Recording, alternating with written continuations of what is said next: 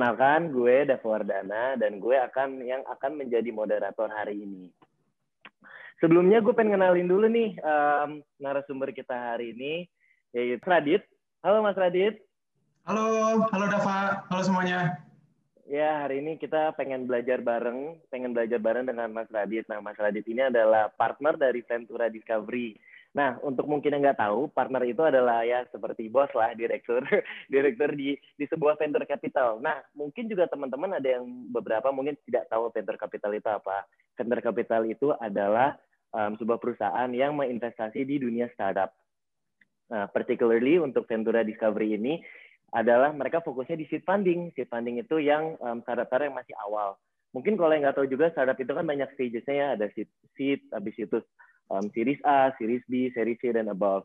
Nah, kalau di situ berarti yang produk itu masih sangat develop dan uh, masih sangat baru dan perlu dibina. Nah, Ventura Discovery ini udah ada beberapa juga investasi yang sangat besar, contohnya di Grab, um, Ruang Guru, um, Sosiola, dan lain-lain. Nah, Mas Radit, um, sekarang kan lagi zaman pandemi nih Mas, untuk aku juga nih yang baru lulus kuliah, itu kan pasti kita ini um, we're in a, apa ya, not not in a bad position, but we're in a very confusing position lah. Karena mau mulai kerjaan juga kan pasti um, banyak yang malah beberapa perusahaan yang layoff. Kemarin gue lihat juga um, perusahaan unicorn aja sebesar Gojek dan Traveloka itu malah um, ada PHK beberapa employee kan. Mungkin ya. nah jadi salah satu opsinya adalah untuk kita memulai our own business kan. Nah, cuman kan pastinya tuh um, apa ya, uh, mulai our own business juga pasti itu we're still very blind. Masih sangat buta untuk memulai bisnis kita kan. Dan dan kita tahu sebagai di venture capital itu sebagai um, partner dan direktur di venture capital itu you deal with a lot of um, startup dan membina bareng bisnis-bisnis yang sangat masih masih kecil kan. Nah ya. jadi hari ini gue pengen banget nih belajar mengenai kayak you know how to start a business plan. Karena kan menurut gue untuk kita mulai bisnis itu selalu harus ada plan yang baik. Gak usah bisnis lah dari hidup hidup pun kita selalu harus ada uh, plan yang baik karena kalau kita nggak ada plan itu um, pastinya kalau nanti ada apa-apa kita udah nggak ada plan B plan C kita udah nggak tahu nih pindahnya ke mana pivotnya ke mana ya kan mas Betul. Nah terus juga ya. gue juga ngerasa kayak kadang tuh pastinya kan anak-anak sumuran gue nih baru lulus tuh pasti kayak eh udah mulai bisnis aja yuk, yuk mulai aja dulu. Udah nggak usah dipikirin ntar kalau gagal ya gagal apa sih kayak yang kita bakal. Nah tapi kan menurut gue nggak gitu juga. We have to um, plan it right dan pasti makanya dari sesi ini gue pengen banget nih dan teman-teman belajar memulai dengan gimana memulai usaha dengan bisnis plan yang baik. Nah tadi kayaknya Mas Adit ada beberapa uh, materi yang udah disiapkan ya yang pengen di-share dengan kita semua nih. Ah, jadi kebetulan, uh, thank you Dava pembukaannya. Uh, jadi benar banget, um, itu mungkin hal yang mungkin teman-teman sendiri sekarang lagi pusing nih buat mikirin beberapa dari kalian, entah karena pandemi atau mungkin sebelumnya, atau memang kalian udah punya idenya sejak lama, uh, kalian pengen mulai bisnisnya, um, ya nggak tahu mulai dari mana gitu. Uh, of course, I think um, the first step is to do it. Uh, tapi sebelum itu, ya kita harus benar-benar matang lah uh, strategi dan rencananya gitu. Ya. Nah untuk di sesi kali ini mungkin gue bakal share sedikit ya, bakal share uh, sedikit materi. Um, tapi kayaknya enaknya nanti kita spend banyak waktu di Q&A nih. Uh, mungkin ada teman-teman itu yang punya pertanyaan spesifik atau Dava sendiri kayaknya udah nyiapin beberapa pertanyaan ya. Kita jadi ya. bisa ngobrolin pertanyaan-pertanyaan itu. Uh, dan ya. mungkin itu bakal jauh lebih bisa membantu kalian. Ya. Nah, Jadi untuk untuk teman-teman yang pengen bertanya, lah boleh aja langsung um, di di session di komen ini nanti kalau ada yang menarik dan uh, waktunya pas akan aku bawa juga selagi Mas Radit present. Yes, thank you Dava. Jadi udah kelihatan ya uh, slides-nya? Ya, kelihatan kelihatan. Oke, okay. kalau udah kelihatan, um, pertama-tama uh, senang banget terima kasih well share uh, udah ngundang uh, saya sendiri buat ikut uh, dalam dalam rangkaian well shared fest ya. Udah seminggu nih jalannya. Uh, sesi kali ini kita mau benar-benar uh, ngomongin business plan. Nah sebenarnya itu apa sih? Uh, dan uh, apa yang kalian harus pikirin buat uh, buat buat menyiapkan sebuah uh, apa ya, rencana bisnis. Nah Mungkin sebelum itu juga saya mau kenalin diri saya sendiri. Nama saya Adit atau Raditya.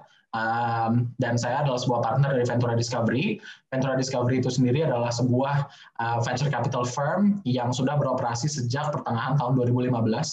Uh, tapi saya sendiri saya sudah ada di dunia venture capital itu dari akhir 2013 uh, di saat saya masih menjadi associate di AMJ Investment Partner. Um, itu adalah sebuah visi Jepang lah. Nah, yang kita uh, itu masih masih benar-benar awal-awal di mana uh, kata startup aja masih belum terkenal gitu uh, masih disebutnya bisnis online, which is still the case. Tapi um, I was fortunate enough to kind of witness the first wave of technology companies, uh, di mana ada beberapa investment yang saya sendiri uh, ikut campur di situ seperti Bukalapak, uh, Kudo yang di acquire sama Grab, uh, dan lain-lainnya gitu. Saya mungkin boleh tanya uh, dikit nggak Mas Radit ke okay. uh, what, what made you start in in a, in a venture capital gitu loh? Karena ya sih right awal-awal itu awal-awal sekitar tahun 2015 itu kan of course uh, venture capital dan startup itu kan belum termasuk yang kayak karir bukan bukan apa ya maksudnya bukan it's not really bukan karir worthy ya. Maybe at that time juga belum orang tuh belum tahu itu sebagai uh, non-existent. it was non-existent. yeah, sekarang tuh gue gampang banget ya jelasinnya Dav. Mungkin um, gue gampang banget thank you buat Korean drama startup jadi gue kalau bisa jelasin ke saudara-saudara gue juga yang selama bertahun-tahun ini nggak tahu gue kerjanya ngapain, gue bisa jelasin ini mirip banget sama Han Ji Pyong gitu. um, gue sendiri belum nonton tapi istri gue nonton uh, dan dia bilang kayak ya udah itu cara jelasinnya sekarang. Now it's so easy, but back then it was not right? It was not. Um, dan gue mulainya itu juga sebenarnya uh, tapi accidental lah. Uh, di mana gue ketemu sama bos gue dulu waktu itu I was uh, I was very active in school and I was part of a Young Leaders for Indonesia by McKinsey and Company. Uh, one of the uh, I guess I was fortunate to be there. It was uh, it was the top uh, it was a top uh, training program for selected uh, university students back then. Nah, gue di scout Uh, dan gue mulai dengan intern, uh, they're happy with my work uh, during my uh, intern program.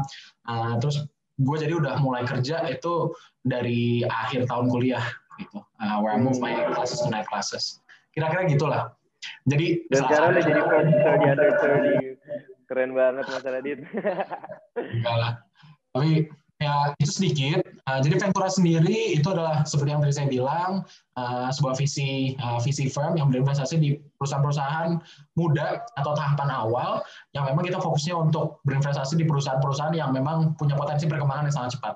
Itu Ventura Discovery fokusnya di C to pre-series investments. Jadi saya udah uh, fokusnya uh, ngebantuin perusahaan-perusahaan yang masih benar-benar awal mulai atau mungkin di bawah setahun gitu dan nggak cuma di Indonesia doang, tapi di ASEAN gitu, di sektor apa pun. Ini mungkin bagus sedikit overview, kita udah berinvestasi di 30 perusahaan, um, itu hampir setengahnya di Indonesia, tapi sisanya lumayan tersebar luas uh, di enam negara besar di di Asia Tenggara, begitu juga satu di Hong Kong. Uh, across different sectors ya, dari consumer internet, financial services, healthcare, education. Di sini mungkin ada beberapa perusahaan yang kalian familiar gitu. These are uh, some of our portfolio companies. Uh, Ruang Guru itu adalah salah satu investment kita di tahun 2015. So I've been working with Belva and Iman for five years. Um, went through four different pivots until they figured it out. Uh, Sosiola juga mungkin teman-teman yang cewek di sana um, itu yang suka belanja uh, kosmetik atau makeup online. Um, you know, uh, maybe you're maybe you're one of our customer, Fabelio yang mau isi rumah, Bright Story yang barusan yang tahun lalu sekitar tahun lalu ya di acquire sama Tokopedia uh, dan lain-lainnya. Itu sedikit aja uh, perkenalan tentang saya sendiri, uh, buat sedikit ngasih konteks ya ke teman-teman. Jadi karena pekerjaan ini pekerjaan saya dan karena memang itu uh, istilahnya that's what we do ya. Uh, I have seen thousands of business plans uh, pitch deck itu the rate of last year alone we we we looked at 900 different companies and I have been uh, and I have been doing it for seven years. Uh, wait, wait, but but does it mean that pitch deck itu juga is this pitch deck itself a business plan or is it a simplified business plan? Um, jadi business, uh, pitch deck itu kan sebenarnya adalah summary dari business plan kalian ya, yang kalian tuangkan dengan uh, dengan dengan sebuah purpose mau mengkomunikasikan itu ke external party, uh, bisa ke investor atau bisa ke yang lainnya gitu. Uh, but then kita juga ngelihat uh, bisnis plan-nya di, uh, di, di, di, di bawah uh, setelah ngelihat pitch deck. Gitu. Yeah. Uh, we talk about their business plan. So I've seen thousands. Um, jadi di sini uh, mau share sedikit lah beberapa yang udah saya yang yang saya bisa yang saya bisa share. Sebenarnya kalau teman-teman nanya sebenarnya gimana sih cara bikin bisnis plan gitu, uh, mulai dari mana? First of all, how do you make a business plan? Just Google it. Just Google it. First of all, just Google it. I know it's not a great start to to to start the session, tapi sesimpel itu karena sekarang gampang banget buat kalian nemuin material buat belajar ya. Gimana sih cara bikin bisnis plan setiap elemen di situ. Um, no, ada banyak banyak jawaban-jawaban yang udah udah udah available di internet. Tapi memang di sini yang mau saya share uh, itu adalah uh, common mistakes lah karena banyak di, di, di, di, di prakteknya, di saat kalian ngejalanin, atau di saat kalian ketemu investor, atau di saat kalian ketemu potential partner, itu banyak banget um, apa ya kesalahan-kesalahan atau uh, challenges yang uh, di yang dan yang di realitanya akan terjadi, tapi nggak pernah dijelasin gitu uh, di di source-source yang kalian temukan di internet. Yeah. Uh, and I've been uh, dan saya bakal banyak um, share experience saya aja lah. Uh, so it's going to be short, uh, bakal bakal singkat uh, dan makanya kita pengennya banyakin waktu di Q&A. Gitu. Pertama-tama bisnis plan itu sendiri apa sih? Uh, bisnis plan itu adalah sebuah written document ya, adalah sebuah dokumen tertulis yang menjelaskan sebenarnya bisnisnya itu apa, gimana cara sales dan marketingnya, financial backgroundnya seperti apa, dan nanti keuntungan dan kerugiannya seperti apa. Sebenarnya buat apa itu sesimpel itu ya. Jadi intinya benar-benar uh, dokumen yang isinya plan uh, apa strategi kalian buat memulai dan mengembangkan bisnisnya. Nah gunanya apa sih? Kenapa kalian mesti bikin bisnis plan? Satu itu untuk kalian jadi punya bayangan yang jelas lah kalian harus ngapain gitu? Kalian harus ngapain mulai dari mana dan strateginya tuh apa buat memulai dan mengembangkan bisnisnya? Karena kalian tuh pasti punya ide kan, kalian pasti punya gambaran, punya ide, tapi itu ada di kepala kalian doang. Kalau kalian nggak tulis, itu satu akan lupa, dan kedua kalian nggak bisa komunikasikan rencana-rencana itu ke partner bisnis kalian, ke tim kalian, dan lain-lainnya gitu. Makanya salah satu um, istilahnya tujuan yang penting dari sebuah bisnis plan itu agar kalian bisa mengkomunikasikan ide-ide kalian ke orang lain. Hmm. Entah itu ke investor buat kalian cari funding, entah itu partner yang bisa membantu kalian mengembangkan bisnis kalian, um, eksekutif level yang lain itu co-founder kalian, mentor kalian, dan ya gimana caranya kalian eh, ini kalian mendefinisikan target kalian gimana dan cara dapetinnya gimana. Nah, tapi sebenarnya salah satu yang nggak banyak orang bahas, bisnis plan itu tuh kayaknya kalau kalian baca-baca banyak uh, banyak yang ngejelasin gimana caranya itu dibuat bu, untuk mengkomunikasikan ke uh, external audience gitu ke orang lain. Uh, tapi sebenarnya kalau menurut saya sendiri, um, it is actually a way ya. Ini adalah sebuah cara dengan kalian bikin bisnis plan itu kalian um, mengconvince diri sendiri gitu kalau memang bisnisnya ini bisa jalan. Gitu. Hmm. Kalian ini gunanya buat meyakinkan diri sendiri biar kalian pede emang ada potensinya nih dan gue tahu caranya. Gitu. Hmm. Itu um, itu yang paling penting malah menurut saya. Nah, bisnis plan sendiri itu isinya apa sih? Kalau kalian memang sekolah bisnis atau pernah uh, beberapa dari teman-teman yang masih kuliah dan pernah ambil kelasnya atau pernah ikut bisnis plan competition kan banyak ya di level kampus itu um, ada beberapa hal yang mungkin kalian harus pikirkan dan tuangkan uh, di dokumen itu. Satu visinya, uh, yaitu tujuan dari bisnis kalian apa, uh, problem and solution, uh, masalah yang mau kalian pecahkan dan solusinya apa, uh, industri dan pasarnya, trennya seperti apa, operational plan, strategi to operate the business, marketing plan, gimana sih strategi kalian buat me, untuk untuk dapetin customer dan menjaga customer itu, bisnis model, gimana caranya buat nge-monetize produk atau solusi kalian, uh, competitive landscape, ini sih siapa lawan kalian tuh siapa aja dan plan kalian buat menang tuh siapa gimana caranya, HR plan, itu team and people that you need to realize your plan ya, uh, karena kalian nggak mungkin ngerjain ini sendiri. Uh, terus setelah itu financial plan, uh, financial targets that you are trying to achieve, dan terakhir evolution of the business. Karena bisnis kalian itu akan berkembang. Uh, yang tadinya cuma misalnya jualan kopi, jadi jualan jus juga, jadi jualan cookies juga, itu kan macam-macam. Nah, makanya evolution of the business is very important for you to start uh, planning on how you will evolve in the future. Gitu. Nah, ini saya akan nggak nggak akan bahas semuanya, uh, tapi akan saya saya akan uh, coba uh, istilahnya ngebahas beberapa poin yang mungkin uh, menarik buat teman-teman. Gitu. Pertama-tama buat ngomongin visi uh, ya dan juga uh, problem and solutions ya. Ini penting banget karena kalian tuh benar-benar harus jelas bisnis yang seperti apa sih yang mau kalian bangun gitu. Nah, kalau kalian visinya tuh benar-benar jelas dan kalian tuangkan, kalian komunikasikan, itu tuh gampang banget buat nggak gampang sih, itu mempermudah kalian untuk uh, untuk mengkomunikasikan ide kalian ke tim, ke investor dan ke customer gitu. Dan kalau kalian benar-benar spesifik akan visi uh, atau bisnis seperti apa yang mau kalian bangun, kalian tuh jadi fokus. Jadi kalian bisa laser fokus dan tim kalian juga akan seperti itu. Mereka termotivasi. Um, nah, kalau masalah problem ya, problem ini sendiri kayaknya kita bisa sebutin macam-macam eh, macam-macam problem yang ada. Tapi yang paling penting dan saya mau uh, yang mau tekankan di sini kalau kalian itu benar-benar harus memvalidasi ide kalian. Ide kalian itu harus di-challenge sama orang-orang lain. Common mistake-nya orang ya, yang kalau misalnya orang uh, itu tuh selalu uh, ragu gitu untuk lakukan, kalau mereka punya ide bisnis, mereka nggak mau mengkomunikasikan itu ke orang lain. Itu salah besar menurut saya. Uh, Sorry gimana mas? Kalau misalnya kalian punya ide bisnis, itu tuh nggak mau dikasih tahu ke orang lain gitu. Kalian, oh ini rahasia, ini ide unik nih. Idenya pokoknya uh, kalau misal teman nanya, lo mau bikin bisnis apa sih? Bilangnya rahasia dong gitu. Hmm, hmm, hmm.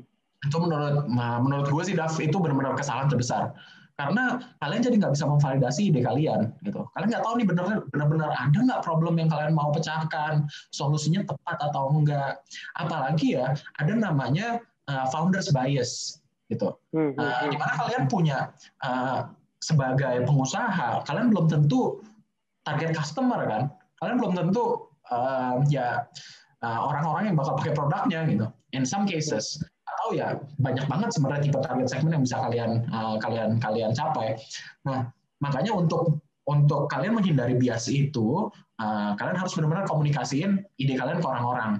Jadi di saat kalian menentukan visi dan problem problem and solution yang mau kalian uh, uh, kalian kalian tackle nih, uh, you need to test it, test ngomong sama orang banyak, minta input kalian, input mereka, input yang benar-benar harus ya. Uh, dan di saat kalian membuat solusi, in building a solution, kalian harus benar-benar uh, approach-nya tuh top down dan bottom up gitu ya. Uh, kalian harus benar-benar research tentang tentang industrinya. Kalian maksudnya kalian, top down dan bottom up itu apa ya, Mas? Top down is more on uh, on on on looking at the market and uh, as a whole ya, uh, ngelihat industrinya secara luas, dan okay. kalian kalian mempelajari sebenarnya ada problemnya uh, di bagian mana gitu. Bottom up is actually going on the ground gitu. Uh, talk to uh, talk, talking to the people on the ground. Mereka tuh kesulitannya seperti apa uh, dan lain-lain. I don't want to spend too much time on it. Uh, I think it's time tapi intinya kalian uh, you need to uh, you need to cover all corners lah. Uh, terus di saat kalian membuat produk itu uh, kalian harus mulai secepat mungkin gitu. Jangan kebanyakan ngide tapi nggak kalian tuangkan itu ke sebuah produk. Uh, nah, jadi karena kalau kalian misal langsung buat contoh produknya atau contoh solusinya itu secepat mungkin, uh, kalian justru bisa memvalidasi uh, ide kalian itu secara cepat. Nah, makanya setelah itu yang kalian harus jangan lupa, kalian harus selalu ngomong sama uh, customer kalian. Kalian selalu jaga mereka, ngobrol sama mereka tiap hari, jadi kalian bisa belajar, belajar cepat, dan kalian bisa iterate, iterate itu istilahnya uh, apa ya? Bisa kalian kulik lagi lah produknya secara cepat dan itu makin bagusnya uh, dan makin uh, sesuai sama problemnya uh, secara jauh lebih cepat yang mestinya lama.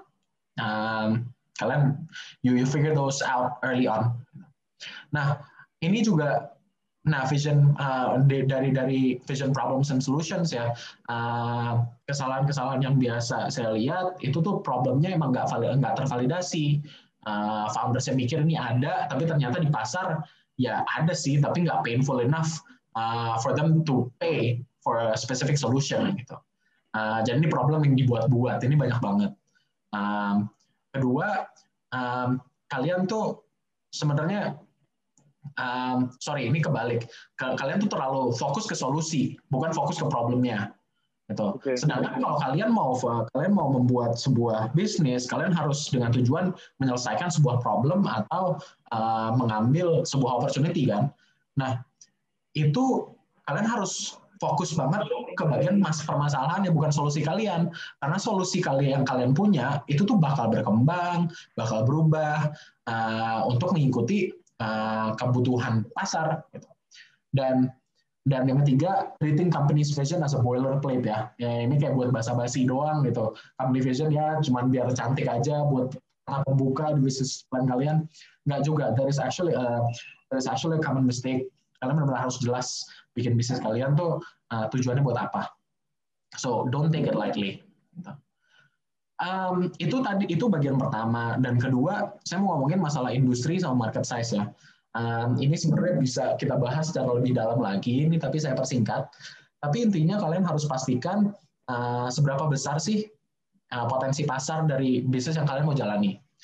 Um, nah, karena semakin besar pasarnya, semakin besar juga uh, opportunity-nya, gitu ya. kesempatannya makin besar juga.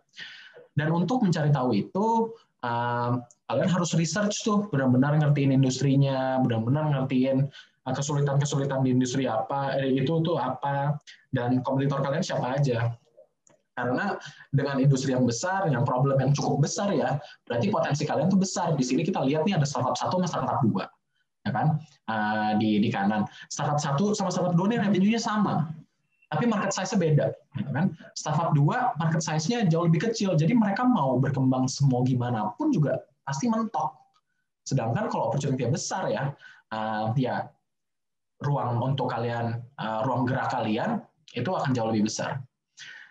Um, nah, di sini beberapa poin yang harus kalian ingat juga ya, uh, dan kadang-kadang orang uh, lupa untuk consider itu adalah market trend. Jadi di saat kalian mempelajari pasar atau industri kalian, kalian harus benar-benar ngerti tren pasarnya. Dari dari misalnya dari 5-10 tahun ke belakang, trennya seperti apa sih dan ke depannya akan seperti apa. Kalau misalnya memang ada beberapa industri yang masih kecil, tapi perkembangannya sangat pesat, ya mungkin masih bisa sangat menjanjikan. gitu. Tapi ada beberapa pasar yang memang besar, tapi makin lama makin kecil, gitu.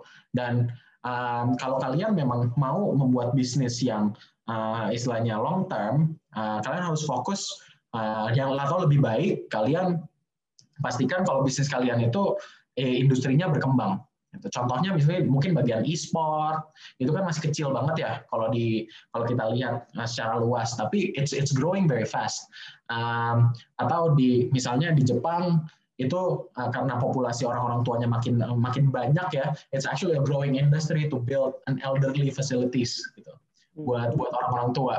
Atau kayak misalnya uh, downtrend, ini contohnya mungkin rokok ya, itu seluruh di seluruh dunia itu kayak bisnis seperti itu, itu memang besar sekali, but then unfortunately people are uh, moving away from it. Uh, atau bisnis small di developed market.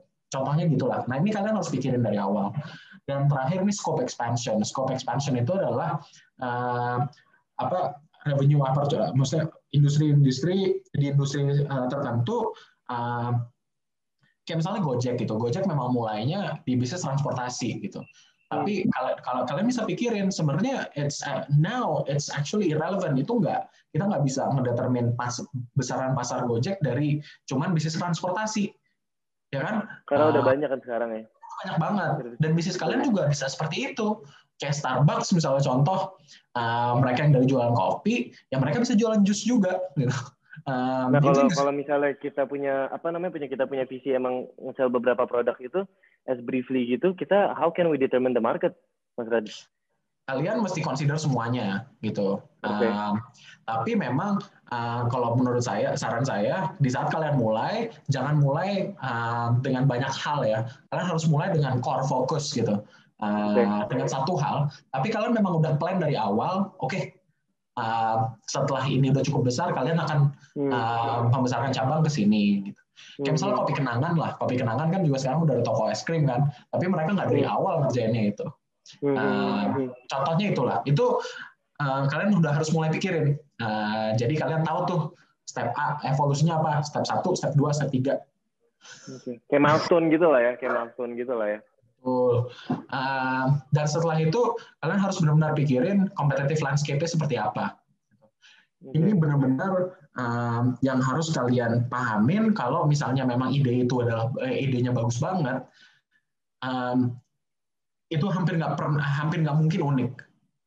Pasti orang-orang lain udah ada yang mikirin dan pasti kompetisinya akan ketat. Okay.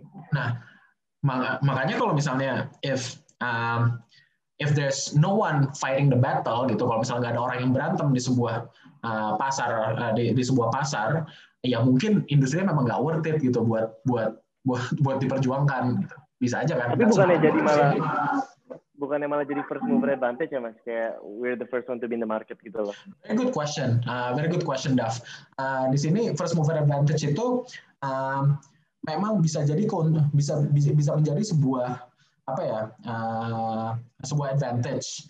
Tapi hmm. itu juga bisa jadi disadvantage kan, karena ada timing hmm. issue di sini. Uh, kayak misalnya beberapa bisnis-bisnis yang gagal di dot com bubble dulu, yang mungkin sekarang udah bisa dijalanin. Uh, yeah. Kalau kadang-kadang mau mulai bisnis terlalu uh, terlalu early juga, uh, pasarnya belum siap, itu bisa ya kalian jadi dibebankan uh, untuk mengedukasi pasar justru, uh, which is great but not cheap to do. Nah, tapi intinya sih yang mau saya bilang di sini, um, kalian harus benar-benar identi uh, identifikasi kompetitornya siapa aja sih gitu. Namanya siapa dia di mana uh, mereka tuh sudah sebesar apa tractionnya. Mereka tuh punya uh, uang seberapa banyak buat berantem gitu kan. Saya berapa investor siapa aja kalian harus pelajarin lah. Nah, dan berapa customer yang kita bisa ambil dari mereka? exactly, itu juga kan. Uh, nah, makanya investor-investor ini tuh uh, mereka kalau misalnya tujuan kalian dari bisnis tujuan dari bisnis plan kalian ini untuk menarik investasi, uh, mereka pengen pastiin kalau misalnya mereka berinvestasi di tim yang terbaik, gitu. bukan tim yang cuma bagus. Nah, uh, common mistake-nya itu di mana kalian cuma acknowledge kompetitornya yang mereka ada tapi nggak kalian analisa itu sih kira-kira gitu. Nah, setelah itu saya mau bahas tentang marketing plan. saya akan lebih cepat ya, uh, karena mungkin lebih lama dari yang saya kira. Marketing plan um, di sini kalian benar-benar harus uh, harus jelaskan, ada harus harus kalian pikirin strategi kalian untuk menarik minat konsumen itu seperti apa sih. Tapi yang saya mau tekankan di sini uh, itu yang terakhir. Itu penting banget kalian nggak cuman pikirin cara biar konsumen itu nyoba atau beli jadi jadi konsumen kalian, tapi gimana caranya kalian ngejaga mereka retention gitu. Jadi nggak cuma acquisition, but there should be a lot of focus on retention gitu. Gimana cara Jadi gimana caranya mereka balik lagi? Ya? Exactly. Karena itu benar-benar yang justru paling penting gitu. Di sini common mistake-nya orang-orang tuh kadang-kadang terlalu general sama marketing channel ya. Udah pakai influencer, pakai online marketing, terus pakai uh, ya nanti offline lah, pakai pakai banner-banner gitu. Ya marketing channel kalian tuh benar-benar harus sesuai sama tipe bisnis kalian. Kalian harus benar-benar pelajarin. Dan cara kalian pakai influencer misalnya itu juga beda-beda banget kan uh, approach-nya itu kalian udah harus diidentifikasiin dari awal. Uh, jadi Radit boleh can you give a quick example on like how you know the, the company that maybe have been working with you yang kayak mereka di, uh, give give example of retention itu gimana gitu loh? Retention strategy itu yes. itu akan saya bahas lah uh, di slide selanjutnya. Okay. Tapi di sini uh, di common mistake-nya marketing plan juga target segmentnya benar-benar nggak spesifik. Um, okay jadi bisa aja ah semua orang bisa beli gitu. Not really, right? Uh, kalian pasti punya uh, target market yang cukup khusus dan kalian itu benar-benar harus ide, uh, harus kalian detailkan gitu. Um, sama common mistake-nya itu marketing plan terlalu banyak fokus ke matrix-matrix yang sebenarnya tidak berguna. Itu vanity matrix. Vanity matrix itu contohnya uh, Facebook like um, atau uh, Instagram followers. Itu kebanyakan orang memang seneng ya kalau misalnya wah followernya banyak banget gitu-gitu, hmm. followersnya nambah. Hmm. But uh, there is actually a vanity matrix kan. Uh, matrix-matrix yang sebenarnya nggak terlalu penting buat kalian track yang sebenarnya kan yang kalian harus track itu dari orang yang melihat ads kalian berapa yang sebenarnya beli conversion conversion, conversion is important um, paying customer is important. Jadi gitu, dari, marketing plan kalian, kalian harus benar-benar tuangkan gimana caranya sih uh, kalian akan um, apa uh, akan nge-track dan mengimprove metrik-metrik yang memang penting. Gitu.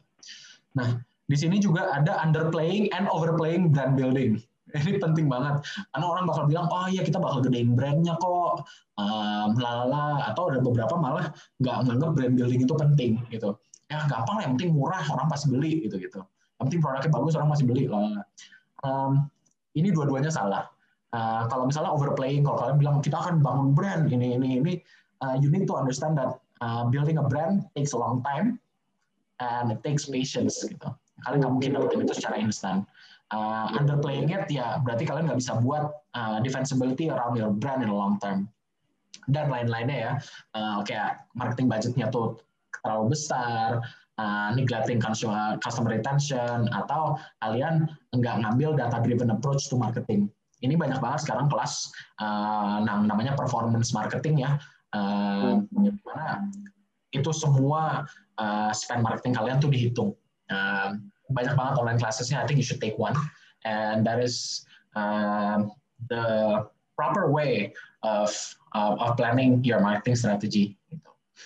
Ini uh, kenapa sih uh, retention rate itu penting?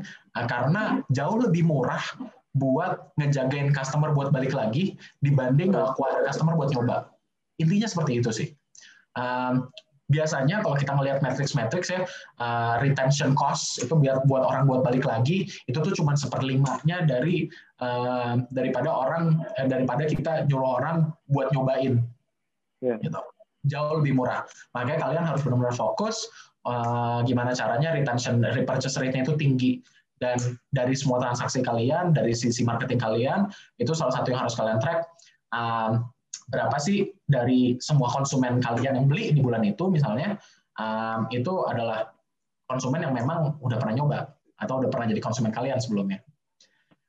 Gitu. Nah selanjutnya tapi mas uh, cara retention retention itu contohnya gimana? Kalau if I can ask like what, what, what, what, what's the strategy? Karena kan tadi you know you, you mentioned about how like it's very important yeah. for us to focus on it. But how do we focus on it? Because Nah, uh, I think most of us don't nggak kenal. Contoh-contohnya gitu. sebenarnya bisa sesimpel loyalty program ya, Dav. Oke. Okay. Uh, kayak misalnya kalau kalian beli, uh, kalau misalnya kalian beli, kan kadang-kadang suka diminta tuh nomor teleponnya atau emailnya gitu ya. Yeah. Itu ya. nggak yeah. cuma sekedar minta, tapi kalian buat yeah. uh, CRM namanya Customer Relationship Management, di mana right. kalian kalau misalnya ada promo-promo, ya kalian push tuh ke semua customer database kalian, nggak cuma ke semua right. orang.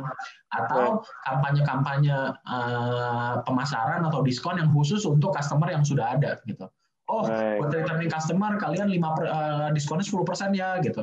Right.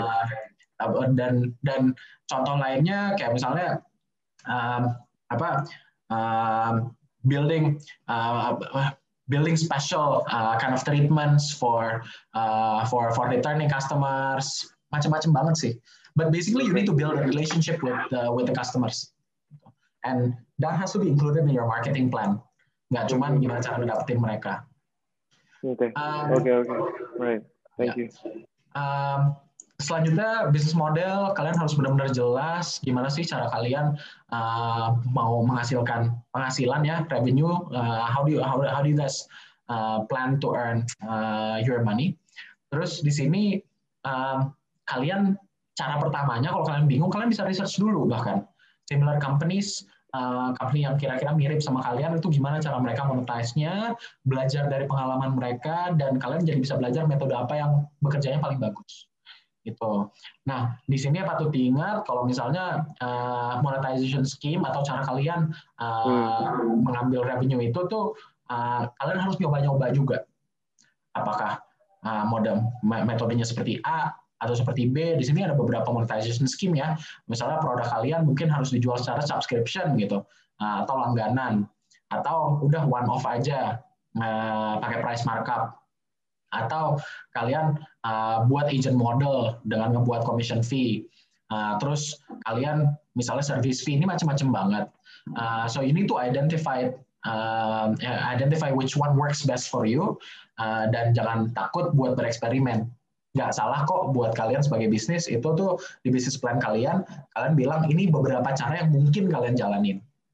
Um, jadi apa, apa, apa berarti kita baru awal gitu eh, nggak aneh mas Radit kalau misalnya kita punya beberapa revenue revenue stream gitu atau revenue nah, kalian mode. kalian identifikasi kalau misalnya ini yang akan kita jalankan karena ini gitu tapi ada kemungkinan juga kita akan mencoba model-model lain begitu oke okay.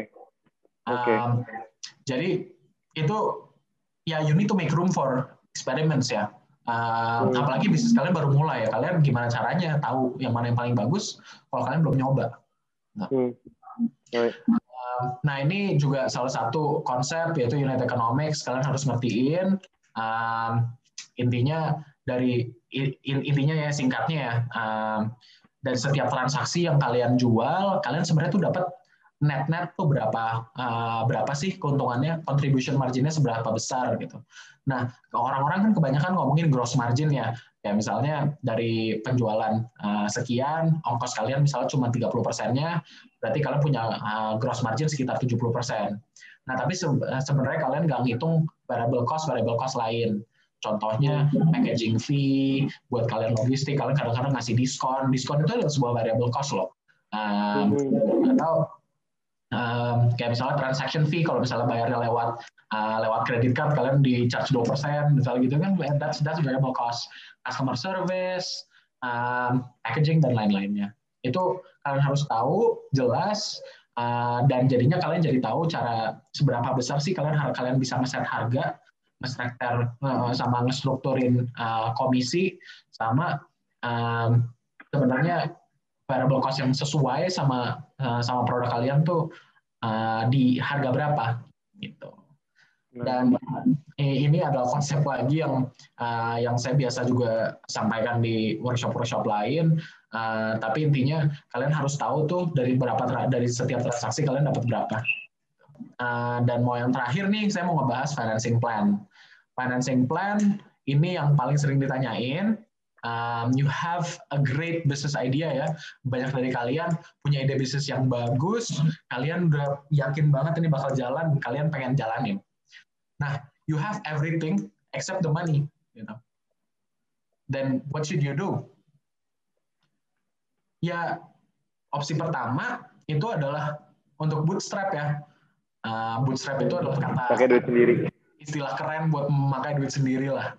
Uh, jadi kalian pakai uang tabungan kalian, uang tabungan keluarga kalian uh, buat memulai bisnis dan jadi di saat kalian mau investasi lebih di bisnis itu kalian pakai profit dari atau keuntungan dari bisnisnya.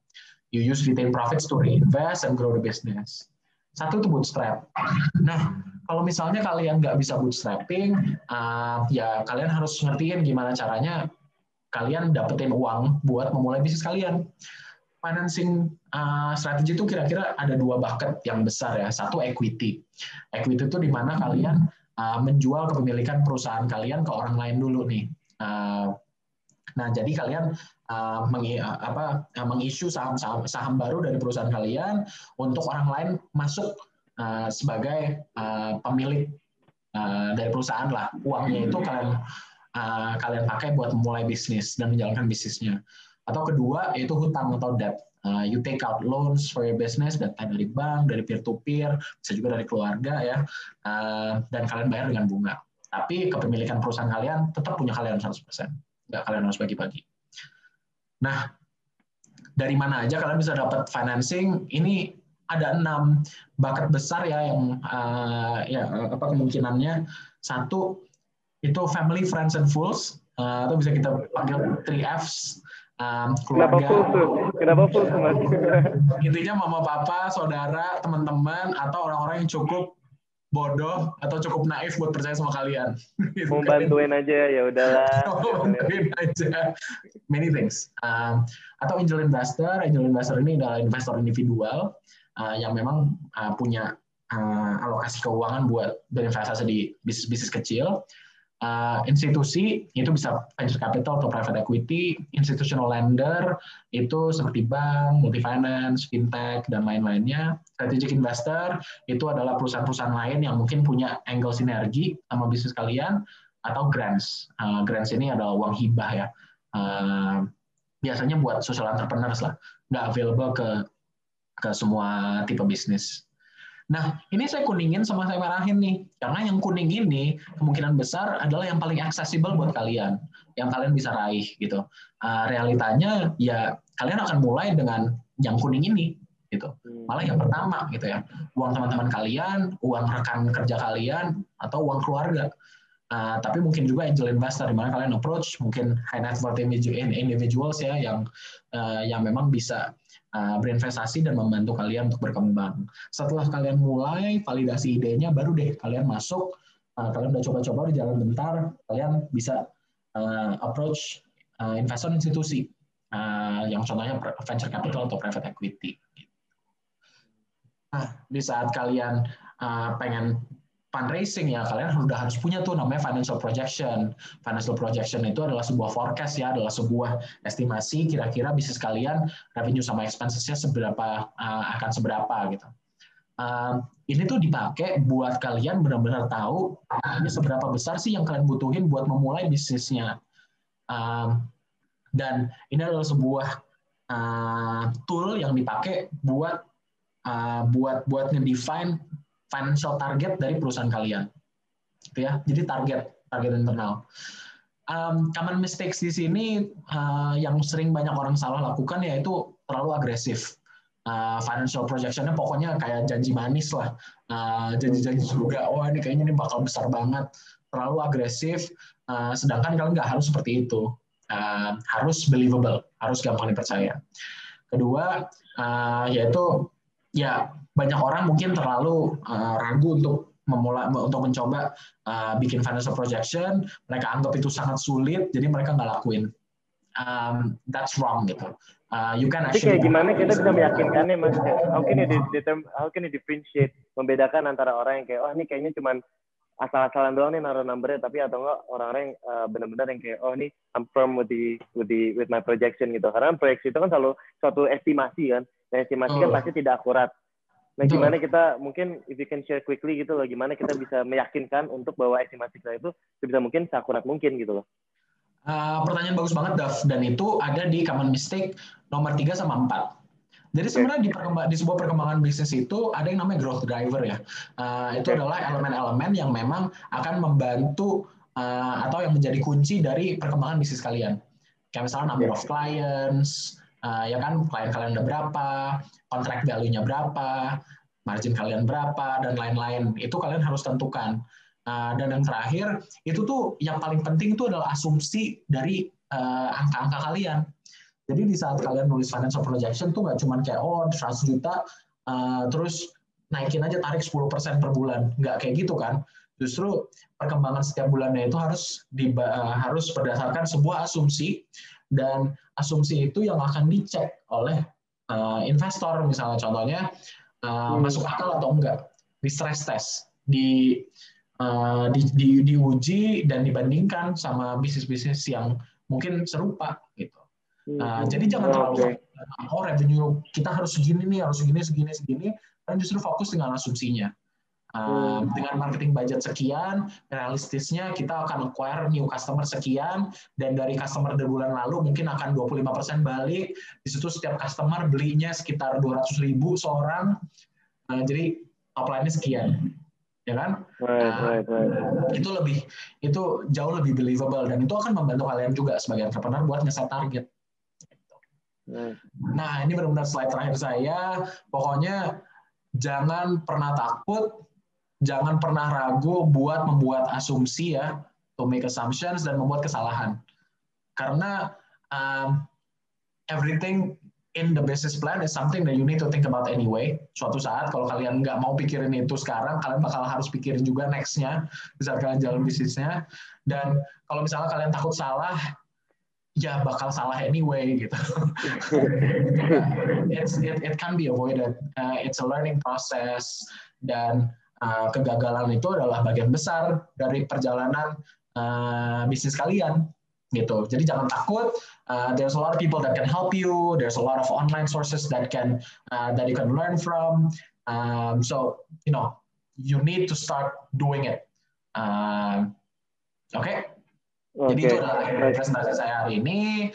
Um, it's it's been a pleasure. Happy to take any questions dan ngebahas uh, mungkin pertanyaan-pertanyaan lebih spesifik. It took longer than I expected, uh, to be honest, but you know, uh, happy uh, happy to run through uh, the questions and have a discussion with you guys. Feel free to reach me out at uh, raditya@ventura.com dan kalau kalian mau uh, belajar lebih banyak tentang venture capital kita dan mungkin uh, tertarik untuk membangun sebuah partnership dengan kita, uh, kalian bisa uh, akses www.ventura.com untuk mempelajari sebenarnya uh, kita tuh siapa sih gitu. Yang Boleh? pertama itu kan uh, of course uh, Mas Radit pasti you receive a lot of pitch deck uh, tiap bulan gitu loh pastinya pasti ada ratu mungkin aku dengar kalau uh, VC itu pasti ada ratusan lah dapatnya.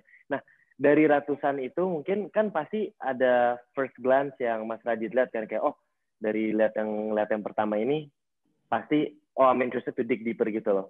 So in that way, apa slide atau info yang pertama Mas Radit lihat ketika dapat pitch deck dan apa yang di value untuk Mas Radit lanjutin baca pitch deck atau tidak? So if if it's worth it or not gitu. Oke, okay. Uh, thank you Dav. Uh, sama thank you tadi mungkin nggak yang nanya saya nggak tahu namanya. Um, tapi sebenarnya nggak ada um, kalau kalau saya baca pitch deck, saya baca semuanya sih Uh, karena satu uh, satu elemen itu ada hubungannya ke yang lainnya gitu. Nah, jadi nggak ada uh, nggak ada satu slide yang saya bisa baca dan bisa bikin saya uh, paling uh, bisa bikin bisa bikin saya tertarik ya khususnya uh, untuk startup tahap awal. Uh, tapi kalau misalnya saya harus tentukan satu itu adalah performance. Uh, okay historical performance metrics kalian tuh sebagus apa um, gak ada yang bisa nge-convince orang-orang lebih dibanding bisnis yang memang berjalan secara baik, ya kan? Dan itu semua di traction. Tapi kalau misalnya bisnis baru, mas, kayak belum ada tractionnya gimana? Kalau bisnis baru tuh traction kan rata-rata nggak ada. Tapi yeah. makanya itu penting banget buat sebuah bisnis itu untuk dites uh, semua idenya. Sebelum kamu ngomong, sebelum ngobrol ke investor. Kecuali kalian memang entrepreneur eh, ini salah satu aspek juga yang sangat penting. Sebagai investor kita pengen invest ke bisnis yang memang dijalankan sama orang-orang yang kredibel gitu. Sama orang-orang yang memang berpengalaman yang sudah um, yang saya udah makan asam garam lah uh, di di di uh, sebagai sebagai pengusaha gitu untuk tipe orang-orang yang seperti itu uh, kita sebagai investor justru jauh lebih gampang kan uh, eh kita bisa percaya kalau misalnya dia bisa jalanin dan dia mau udah pikirin semua aspeknya. Uh, but that is not the case for everyone. Kalau misalnya kalian memang uh, mungkin tidak punya pengalaman berbisnis sebelumnya atau mungkin uh, secara track record masih sedang membangun gitu, ya kalian harus buktikan dengan angka gitu. Uh, mau nggak mau, kalian harus coba solusi kalian. Nah, ngetesnya gimana tuh mas? Kayak how big should we test gitu loh? Itu kan Betul. How big should dites itu tergantung dari kapab, dari kapabilitas finansial kalian. Okay. Uh, kalian kan tadi saya udah udah bilang bisa bootstrap, bisa minta yeah. ke family friends and fools atau bisa yeah. dari angel investor dan itu sebesar uh, tesnya seberapa besar ya sebesar mungkin uh, and as often as possible until you figure it out gitu. Um, right. Kalau misalnya uang kalian memang sangat terbatas ya nggak apa-apa kalian tesnya kecil-kecilan ke 5-10 orang dulu terus 5-10 orang berbeda um, um, ya itu nggak masalah. Mas Radit mungkin satu lagi nih um, mungkin uh, continue yang tadi kita first mover advantage kan nah itu kan perusahaan yang paling revolutionary itu umumnya dianggap gila pada awalnya sebelum akhirnya menjadi overnight Cinderella success story. Contohnya Tesla yang tiga hari dari kebangkrutan pada Desember uh, 25 2008 dan sekarang adalah largest automaker in the world. Nah, actually mereka baru masuk S&P juga S&P 500 um, recently, right? Bagaimana sih cara membedakan bisnis yang gila dan yang revolutionary? Uh, thank you, uh, Dav. Ini pertanyaan yang menarik. Ini juga banget. dari pertanyaan dari dari teman-teman juga nih. Ini pertanyaan yang menarik banget dan um, ini benar-benar nggak ada jawaban yang pasti ya di sini. Ada satu namanya market trend, uh, di mana kalian mempelajari apa yang sudah terjadi, uh, mempelajari sejarah, dan kalian mencoba memprediksi masa depan itu bentuknya akan seperti apa. Uh, untuk dari ya misalnya Tesla gitu, uh, ya sebenarnya sudah jelas dari sisi pasar, there will be, uh, maksudnya uh, istilahnya raw materials uh, atau uh, sumber daya bumi yang dipakai untuk uh, conventional cars yaitu it will run out, ya kan? Uh, and there will be a shift sooner or later. Jadi dari segi market trend sendiri, ya akan ke arah sana. Pertanyaannya bukan masalah itu, uh, maksudnya stupid idea or not ya. It's just a matter of timing menurut saya. Uh, kapan harus mulainya? Um, itu nggak ada jawaban pasti. Itu nggak ada jawaban pasti. And there's a, the, the this there's an element of of apa ya uh, of of gambling in it uh, di mana kamu sebagai uh, saya misalnya investor mereka benar-benar percaya karena mereka benar-benar tahu uh, ke arah sana dan mereka punya perspektif yang berbeda uh, dan itu biasanya harus diyakinkan nggak cuma dengan produknya tapi juga dengan tim yang ngejalaninnya gitu ya Elon Musk ya dia punya track record yang cukup uh, cukup panjang uh, di di industri ini. Um, tapi yang a successful case ya uh, buat buat Tesla. Tapi banyak juga ide-ide yang revolutionary, tapi memang terlalu timingnya terlalu early atau nggak bisa direalisasikan, nggak bisa direalisasikan uh, dan lain-lainnya. Gitu. Iya, Mas Radit, thank you so much untuk ilmu dan waktunya, Mas Radit. I've learned so much from this um, our our quick uh, webinar class. Semoga juga bisa dapat menginspirasi menginspirasi teman-teman juga yang di sini. Baik, mau mengingatkan kembali, Well Shared Fest 2020 ini memiliki rangkaian sesi yang sangat banyak. Lebih dari 25 sesi akan diadakan di Well Shared Fest 2020 ini. Teman-teman yang sudah mendaftar cukup daftar sehari saja, dan teman-teman bisa mengikuti seluruh rangkaian acara sampai 19 November 2020. Jangan lupa Instagram, follow Instagram Wellshare di @wellshare.co dan jangan lupa juga subscribe ke YouTube channel Well Shares di YouTube. Mas Radit, thank you so much Mas once yeah, again. Thank you banget Dava, thank you banget uh, tim dari Well Share. Pokoknya uh, I was actually hoping that we can get a lot more discussion going. Uh, yes, saya tahu yes, waktunya terbatas, jadi please do not be uh, do not hesitate to reach me out. Uh, di lewat raditya@ventura.com gitu. Uh, dan mungkin kita bisa ketemu di sesi lainnya. Thank you semuanya.